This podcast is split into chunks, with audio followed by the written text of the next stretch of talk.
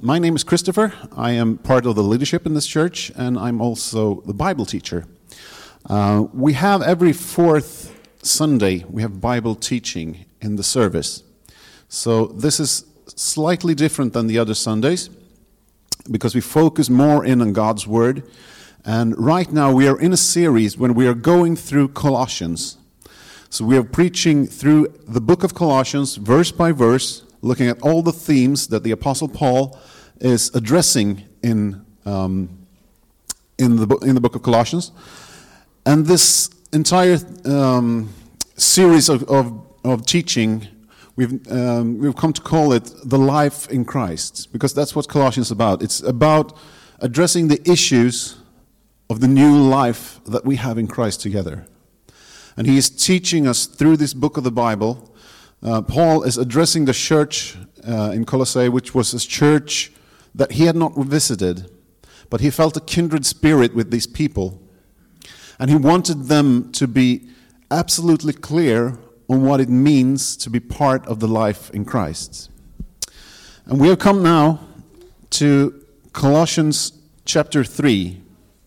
So the title of this sermon is The New Life. The teaching that Paul gives us in Colossians 3, verses 1 to 17. And I'm going to read it in English. And the, the rest of you can follow along on the projector where we will have the text in Swedish. If then you have been risen, you have been raised with Christ, seek the things that are above where Christ is, seated at the right hand of God. Set your minds on things that are above, not on things that are on earth. For you have died, and your life is hidden with Christ in God. When Christ, who is your life, appears, then you also will appear with him in glory. Put to death, therefore, what is earthly in you sexual immorality, impurity, passion, evil desire, and covetousness, which is idolatry. On account of these, the wrath of God is coming. In these you too once walked when you were living in them. But now you must put them all away anger, wrath, malice, slander, and obscene talk from your mouth. Do not lie to one another, seeing that you have put off the old self with its practices and have put on the new self, which is being renewed in knowledge after the image of its creator. Here, there is not Greek or Jew, circumcised and uncircumcised, barbarian, Scythian, slave or free, but Christ is all and in all. Put on then, as God's chosen ones, holy and beloved, compassionate hearts, kindness, humility, meekness, and patience, bearing with one another, and if one has a complaint against another, forgiving each other, as the Lord has forgiven you so that you so you also must forgive and above all of these put on love which binds everything together in perfect harmony and let the peace of Christ rule in your hearts to which indeed you were called in one body and be thankful let the word of Christ dwell in you richly teaching and admonishing one another with all wisdom singing psalms and hymns and spiritual songs with thankfulness in your hearts to God. And whatever you do in word or deed, do everything in the name of the Lord Jesus, giving thanks to God the Father through him. Blessed Lord Jesus, we thank you for your work in us. Father God, we thank, we thank you for everything that you do for us. We pray that you would help us live in thanksgiving to you, even when life is hard and tough. Lord, we pray that you would bless this moment with us, that you would remain here with your presence and help us understand and help us open your word, and that your word would be useful to us and land in our hearts and change us and transform us on the inside. This we pray, Father, in Jesus' good name. Amen. Now, we are now in a time of the year which is in part thought to be or intended to be a trial. This is Lent, the period before Easter.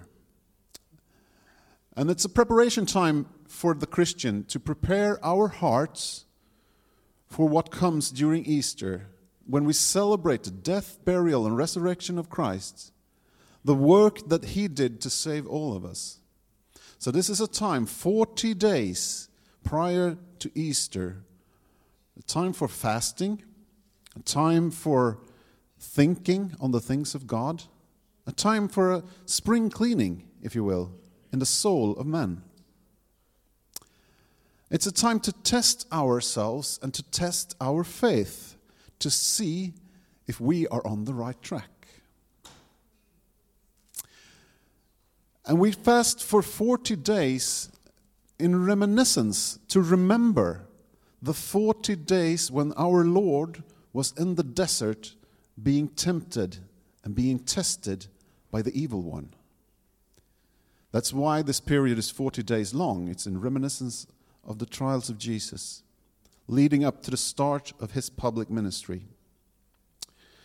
But we are also in a time, a time period at large, which is also testing of the faith. It's wonderful for us who live here, sheltered and safe in Sweden, to see that you, our friends from Ukraine, can still sing praises to God. That's evidence of the new life that is in, within you. Because even if you sing with tear filled eyes, you still sing to the Lord which has delivered you, and you sing about the heaven that awaits you when this period of trial here is ending. And so it is for all of us, because whether our trials are personal or objectively light or heavy, they are our unique trials.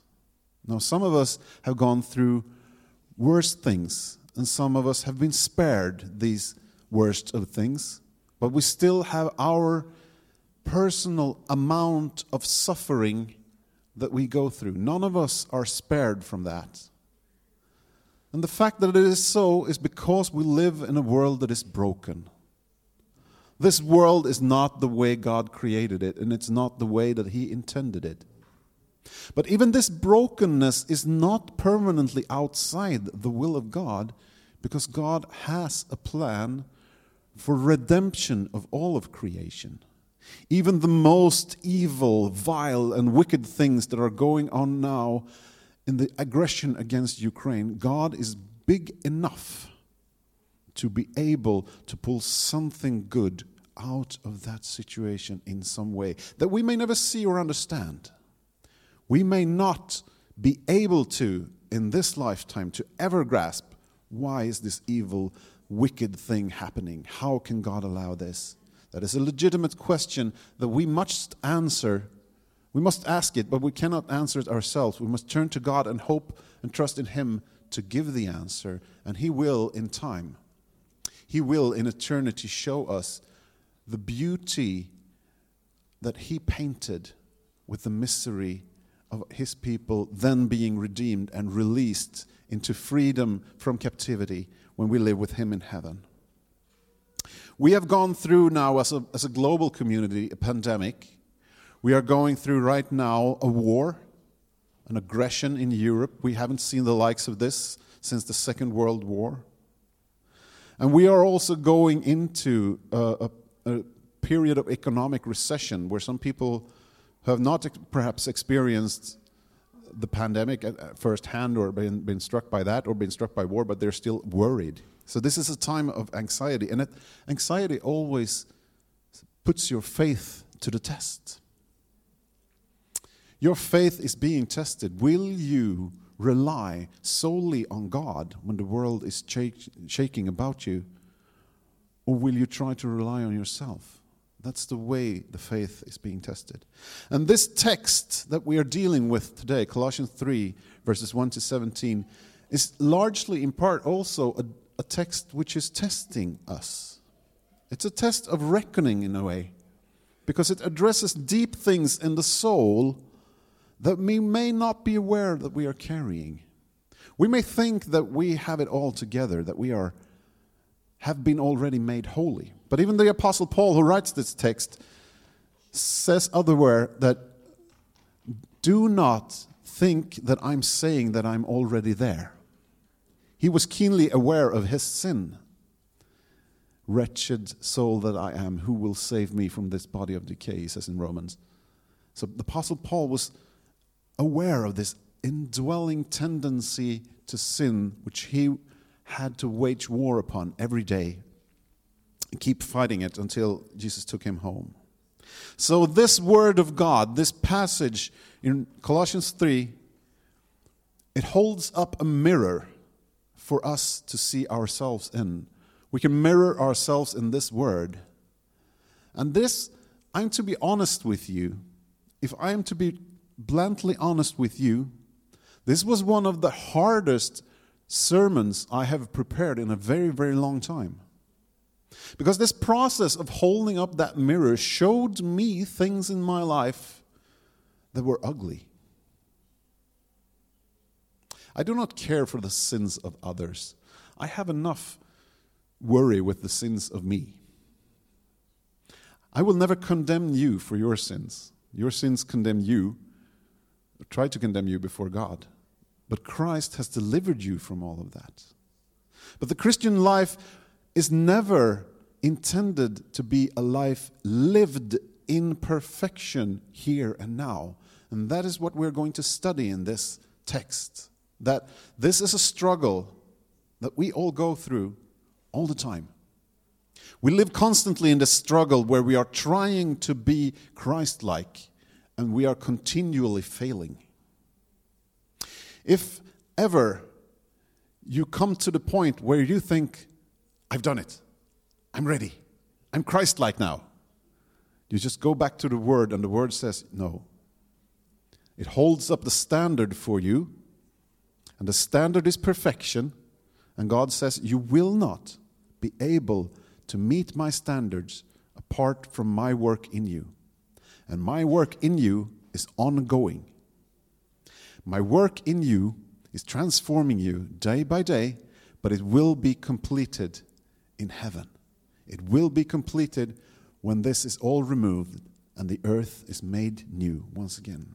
So, we are going to study three important themes in this text today.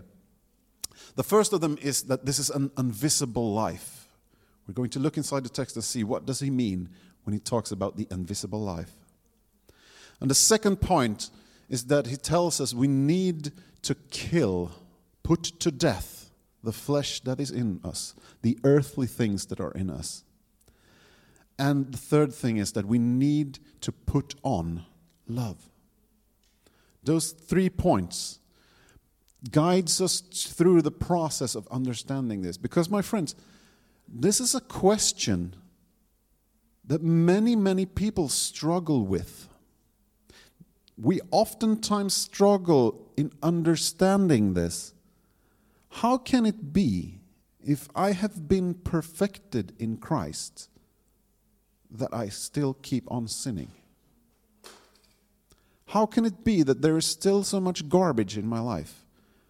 I know that I'm saved. I know God made a miraculous thing in me. I know that God did something inside me. My heart is made new.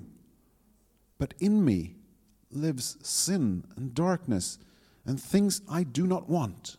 I keep on doing things, saying things, thinking things that are unpure that I do not want. How can this be? We struggle with that question. Or we struggle with the opposite of that question, saying, okay, since God has forgiven me everything, why shouldn't I sin? What's the point in all of this strife and struggle? I'm free and forgiven. Why can't I give in? Why can't I just go about my daily life and live the way I want? Why does it have to be so much strife all the time? Why does it have to be this struggle? This battle always against sin? Why is that? Since I'm forgiven, does it really matter? Can't I just live my life the way I want to in sin and then be forgiven of it? Or is that forgiveness just empty? These are the questions that Paul, the Apostle Paul, is addressing in these verses. So we begin in verse 1.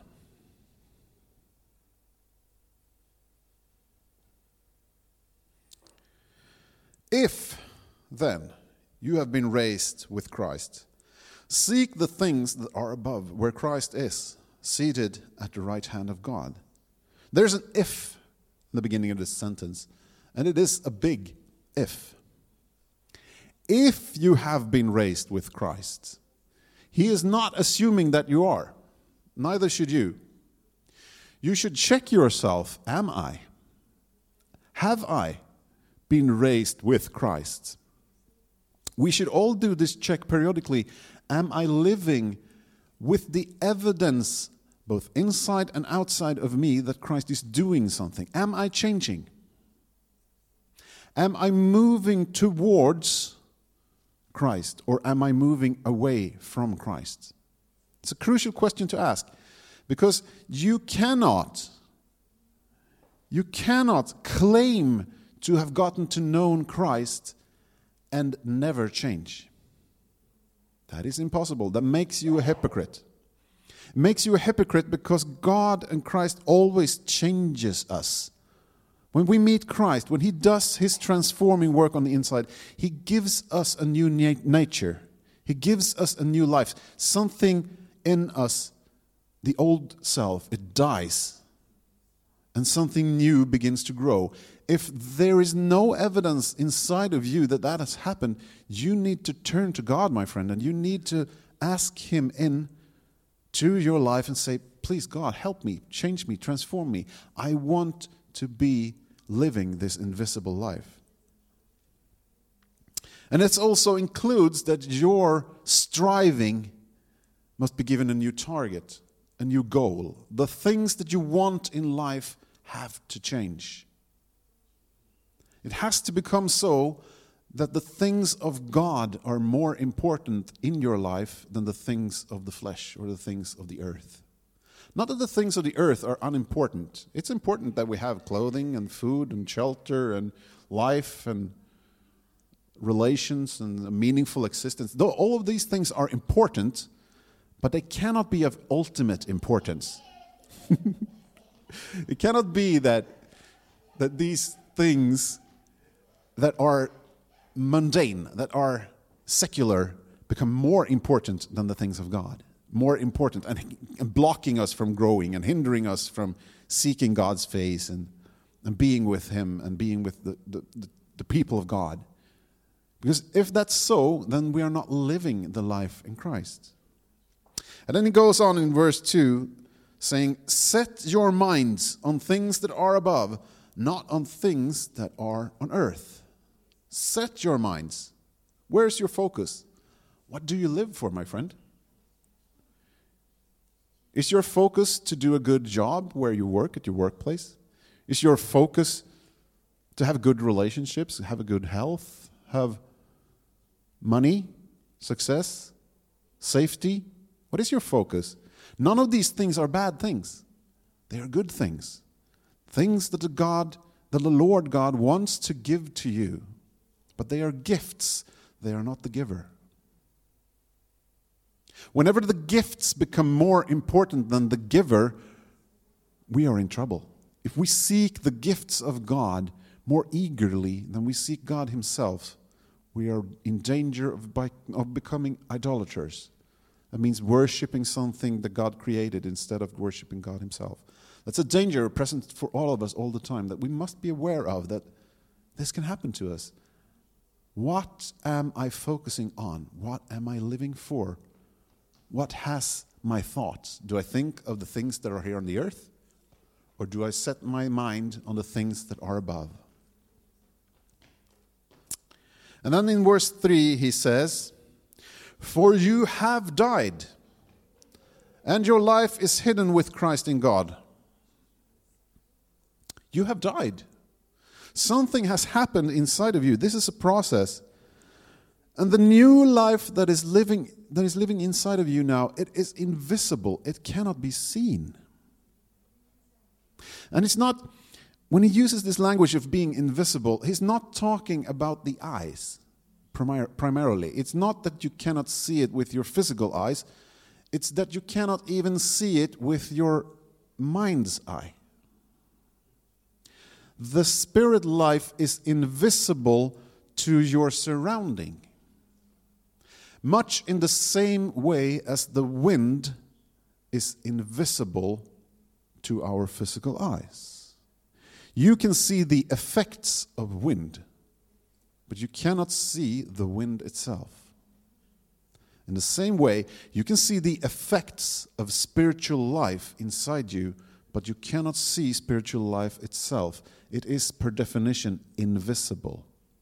You cannot discern it. You cannot look at yourself and say, Yes, I have it. No.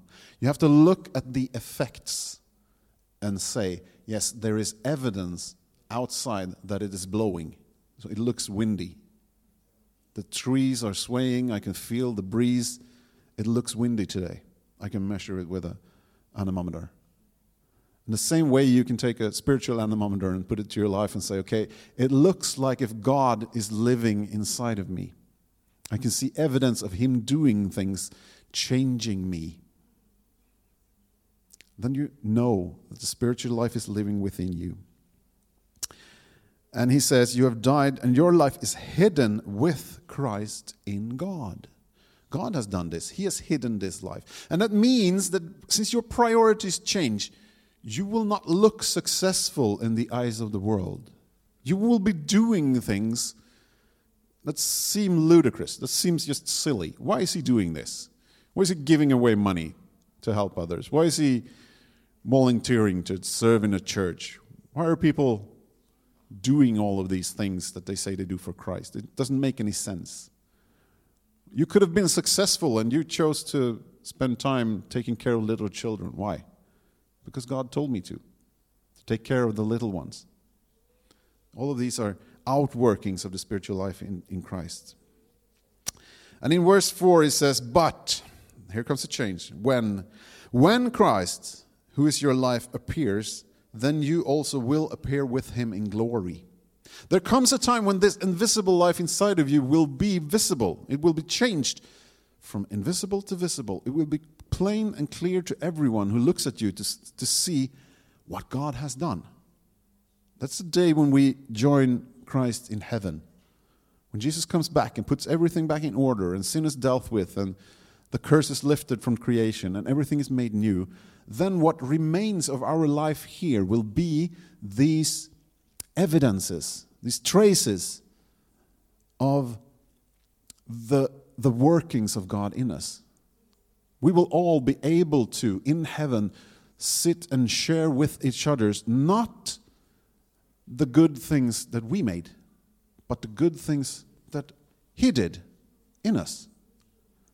You will tell your story to thousands and thousands of people whom God have redeemed, not with you as the hero of it, but God as the hero of it. He did this in my life. And that will be to the glory of God. That is the purpose of God's saving work in you. It is to glorify and honor Him who is worthy of honor and glory. And at that point, that which is small will be made great. That which is low and humble will be exalted to glory. Those who are now last will be first. Christ said so. And he's talking about this day when God changes everything. And that which was one, at one point invisible, those priorities that you made on the inside that seemed to make no sense whatsoever. Why should I do this? They will be a treasure trove for you when God transforms them into something glorious when you are appearing with Him in glory. We cannot even imagine what that means.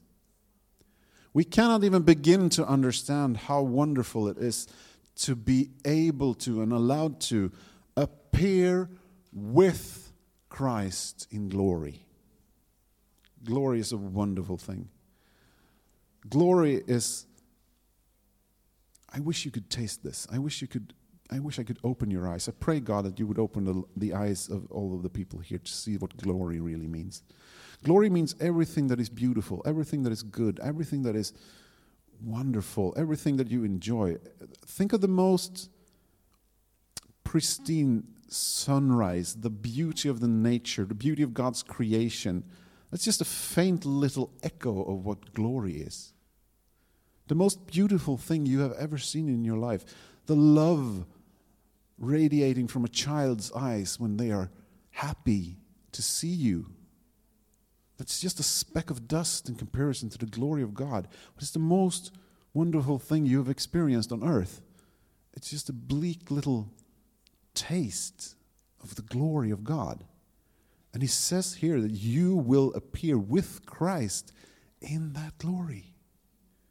That's what we live for. That's what you were created to live for. That's why you oftentimes seek to glorify yourself. You seek to have part of this. I want to be seen. I want to be loved. I want to be reckoned with. I want to be something. I want to have meaning and purpose. These are all things longing for the glory of God. But if we put that on ourselves and be glorious in our own right, it becomes distorted. It becomes idolatry or it becomes pride. Two root original sins. There are two sins in the world, everything else is derived from it. One, thing, one sin is pride. It's the sin that got Satan kicked out of heaven. Pride is taking for yourself the place of God, putting yourself in the place where God should be, worshiping yourself. That's prideful. The second one is idolatry. It's worshiping something else apart from God or worshiping God in a way other than He intended. It's distortion of worship. Every other sin that exists come from these two in any kind of way. They, are, they have the root in pride or idolatry.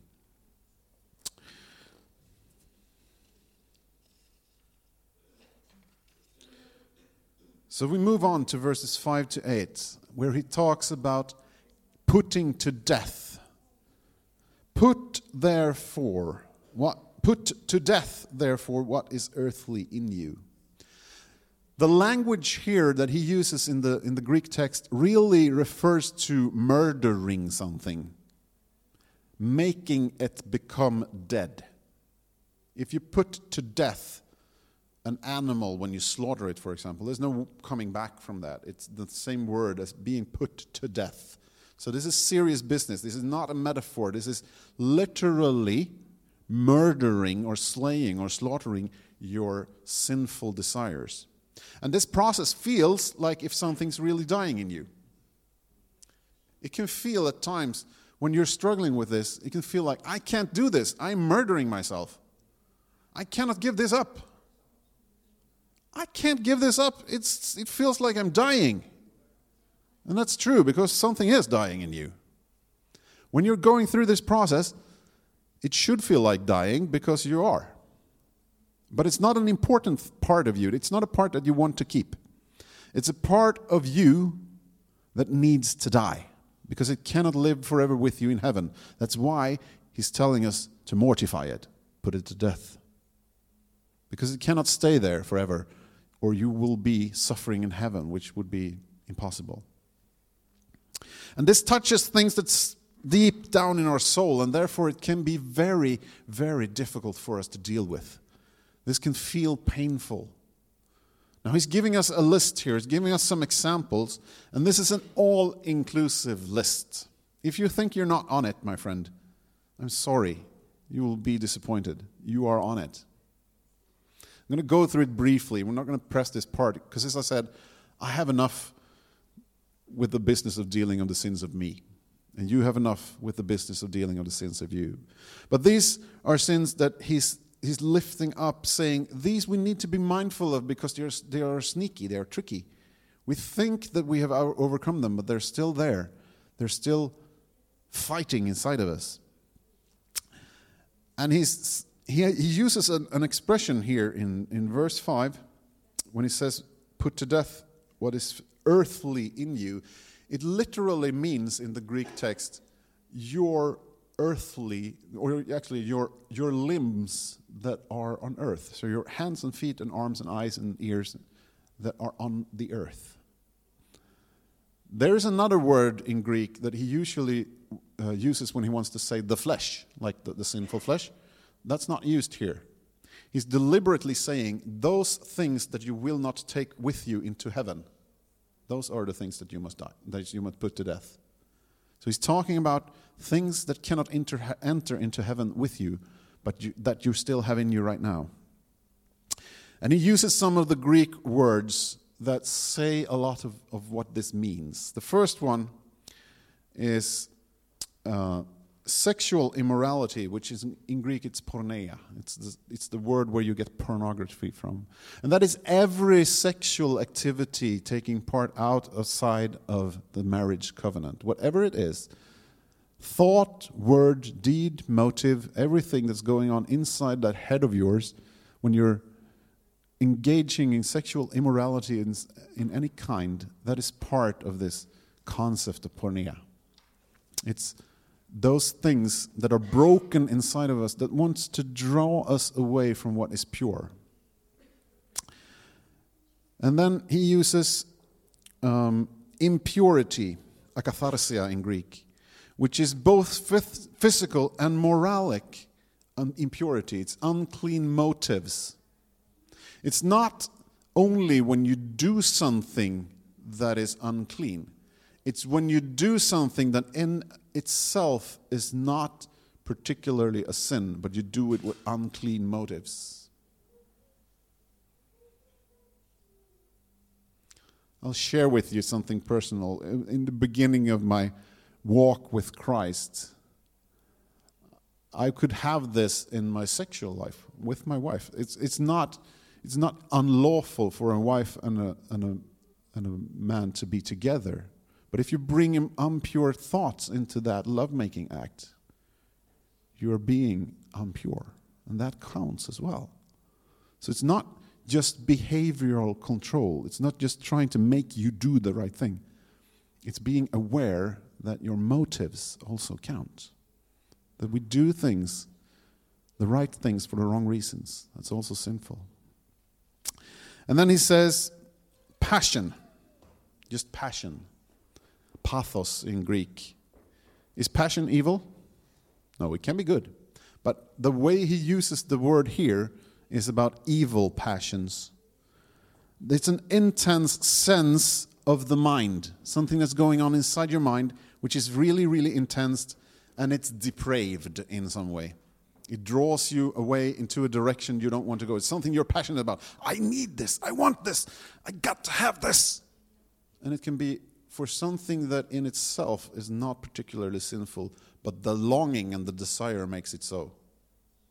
This can be for food. Food is not bad. But if you have a passion for food, craving, I need to eat this or I will die, then that desire in self is gluttony, which is one of the carnal sins. Then he goes on to say evil desire, epithymia. It's a strong longing, an obsession, lusting. It's not just sexual, it's, it's, uh, it's in every uh, situation in your life. And then he says evil. Uh, evil desire, just a wrongful thoughts, evil destructivity, and everything that is wrong. And last, he ends with pleonexia, which means greed. And it's the desire for us to want more, to not be satisfied with what, you, what we have. The desire that if I don't get this, I will not be content. I need to have a bigger car, a bigger house, a bigger whatever. I need to have a more Uh, loving relationship. I need to have kids or not kids or whatever it is. It's that longing in a way that says, what God has given me is not enough. I long for something else, and I will not be satisfied until I have it. And he says that this covetousness, which is idolatry, it is worshiping this thing that you want in the way that you should worship only God. It's when we put ourselves or something else in the God place. Because we are all worshippers. Even the, the people that don't believe, and even people that never heard of God or doesn't want to have anything with God to do with God, even atheists, they are all worshippers. They're worshiping something because you live your life for something. You cannot help it. There's never been a point in your life where you didn't live for something. It's what makes your life meaningful. So you're living for your job, for your comfort, for your love of yourself, for your family, for your whatever. But if you ask people and sit down with them and they are honest enough to tell you, they will tell you what they live for. Why do you get up in the morning? Why don't you die? What, makes, what causes you not to commit suicide every day? Well, there's something there. Even if you're feeling miserable, even if you've been taken away everything from you, you still are living for something. And when the ultimate something you live for is something else than God, that's idolatry. It, it can be God and then things that God has given you. Like, I want to serve God by raising a family, for example. Raising a family is a good thing.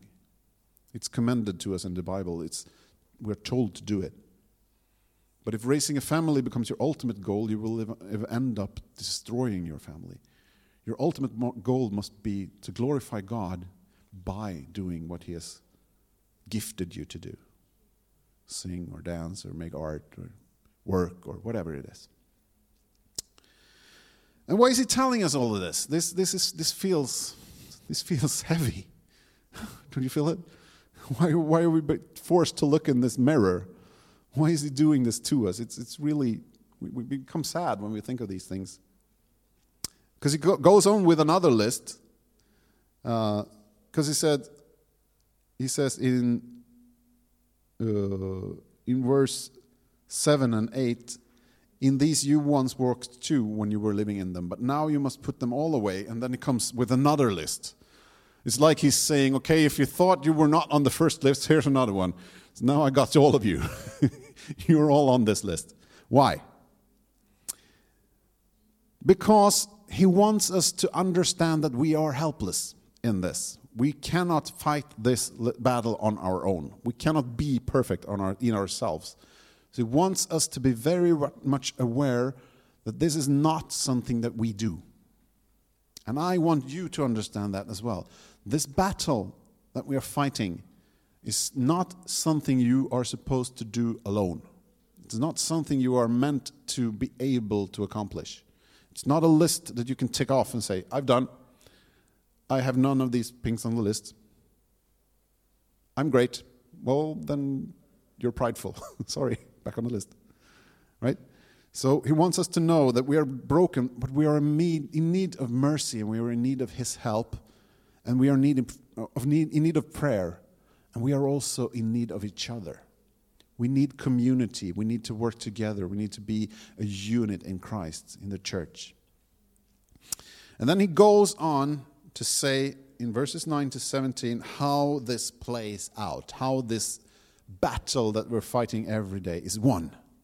Here comes the turning point. Here comes the turning point in the text where God comes to our aid. Now he's telling us the solution.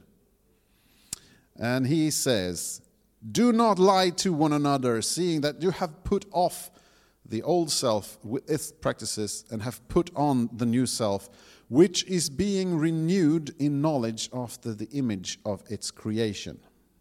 The only way to do this, my friends, the only way for you to accomplish this thing that God is asking of you to do is to become somebody else. A new version of you, which is being transformed continuously into the image of Christ. You are supposed to be changed and then you are supposed to see who this new creation is, who this new person is, and start acting in accordance with it. That means that when you are doing something that you do not want to do, it's because you are not acting who you are anymore. If you're sinning, if you have problems in your life that you are wrestling with, you say, God, I can't help doing this. It keeps coming back. You need to know in your mind, well, this thing that I don't want, it's not part of who I am. It's an old habit that refuses to die, that I keep fighting, but I'm not that person anymore. I am not the sinner. I am the reborn Christian. I am being transformed into the image of Christ. So when this acting that I have that I don't want, it's not part of what I am. I don't want it anymore. I can stop it.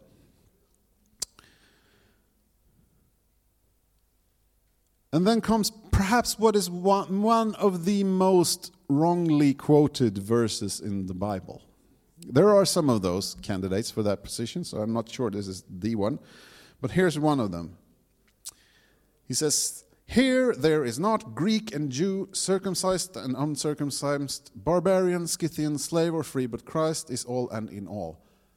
What is the context of that verse? What is he talking about? What have we been talking about? We've read all the verses before. What have we been talking about now? Anyone knows? You can do it in Swedish if you want.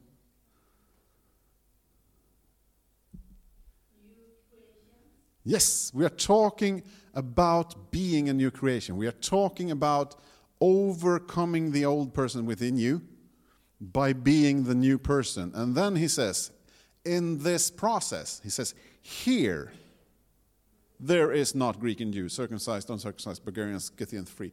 Which means this verse talks about the process of becoming changed to the image of Christ. It talks about the process of overcoming sin. That means it does not talk about social justice.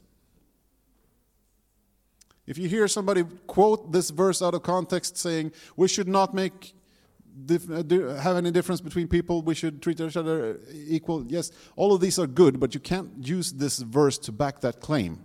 There are other verses that can, but not this one, because it doesn't address that. It does not address equality men and women are equal in function and form and doing the same things. Now, there are other verses that address this, but not this one. So we need to be careful with these. These are very familiar verses. We can quote this, but we, we quote it out of context, we put it out and say, well, you can't say that there's a difference between that and that because there is no difference in Christ, blah, blah, blah, and we quote this verse. We need to be very, very, very careful reading the verses where they are in the context because he is not, pro- he's not talking here about the social life of the church. He's not addressing church governance, he's not addressing civil society, he's not addressing lawmaking, he's not addressing. There are other verses where Paul talks about that, but not here.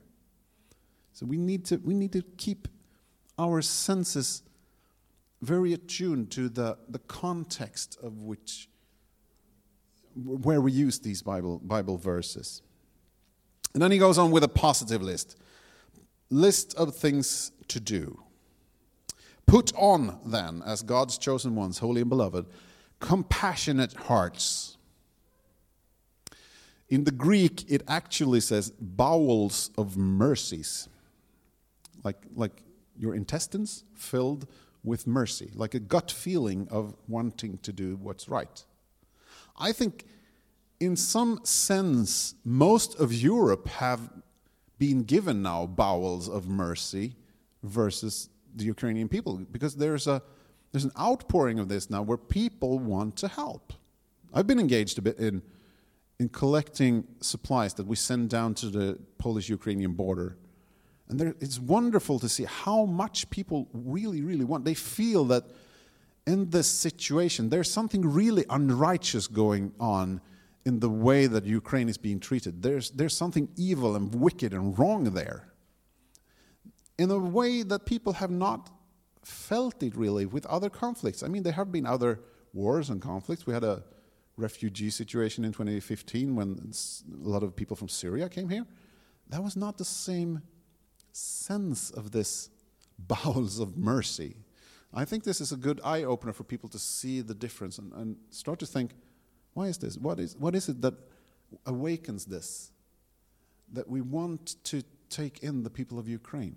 Well, we see something there. We see that there's, there's something being forced upon their country from the outside, which is evil and unrighteous and wicked and wrong. And, and people react to it. That's the Spirit of God inside people saying, hey, wake up. You must, you must see that this is, this is an evil thing. And then it says kindness.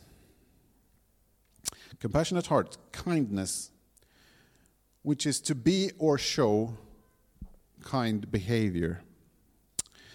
Uh, humility, which is a, being aware of your own smallness. If, if you have humility, you are aware that God is very big and we are very small. Um, he says meekness. Meekness is a difficult word to understand, really. Um, in Swedish it's saktmod. Det finns ett gammalt svenskt ord som heter saktmod. Meekness is, is being slow to anger. It's being gentle. It's being cautious with other people, treating them kindly. And then he says, as the last one on this list, patience. There's an old English word here used in, uh, in older translations which means which is long suffering. It's a good translation from makrothymia, which is in, in Greek. Long suffering to endure with people. When someone is being difficult, we are long suffering. We don't get angry at them. We understand that they are difficult for a reason and we are having patience with one another. Forgive as you have been forgiven. And above all of this, put on love. The agape love, the unselfish, the giving love, which completes to perfection. So, to summarize this up, what have we seen in the text? What is Paul aiming at here? Well, he says in verse 15, Let the peace of Christ rule in your hearts, to which indeed you were called in one body. Let the peace of Christ be in your heart. That's the knowledge of Christ, the understanding of who he is, what he has done, uh, this process of being changed, that the work is his, it's not ours. The peace of Christ comes from knowing that what God does, he is doing, not us. He's not asking us to be perfect. He's telling us, I will make you perfect in time. I want you to work with me, but I am the do- doing the work. And it's also a part of being in communion. We need each other. We need to be in fellowship with one another to experience this peace of Christ because there's something about the corporate worship of the church that allows this peace to come inside of us. Something happens when we get together that does not happen when we are only apart. And he says, Let the word of Christ dwell in you richly teaching and admonishing one another in all wisdom, singing psalms, hymns, and spiritual songs. We're going to finish this worship service with doing just that. We're going to sing together, we're going to teach each other. But he's also encouraging us to let the word of Christ live in you, to read your Bible, to be part of Bible study, to take in this wisdom that Christ has given the church and collective, and to be in communion with each other. So he's saying, uh, he's telling us that we should sing God's praises in our hearts, that we should rejoice and be glad, because God is infinitely good to us. Even when evil and wicked things happen, God is still very, very good. He has a heaven for us. He has a place for us. He has good plans for us. And he says, Let everything that you say and do happen in the name of Christ, and thank the Father through him, giving thanks to God the Father through him. And I think we should do that now. Father, we just thank you.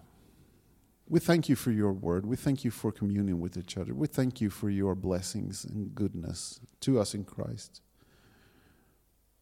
Lord, we pray for this terrible situation that's going on, but we thank you. We thank you that you are in control even of the most wicked and evil things, that none of this is outside of you, forcing your hand. It's that you are working good for us even when much, much, much evil is done. And we thank you. We thank you that we have new life in Christ, that this world is not our final home, that we will be with you one day. We will see you in glory, and we will appear in glory with you. We just thank you, Father. We pray that you will help us do everything that we say and do in the name of Christ. In Jesus' name we pray. Amen.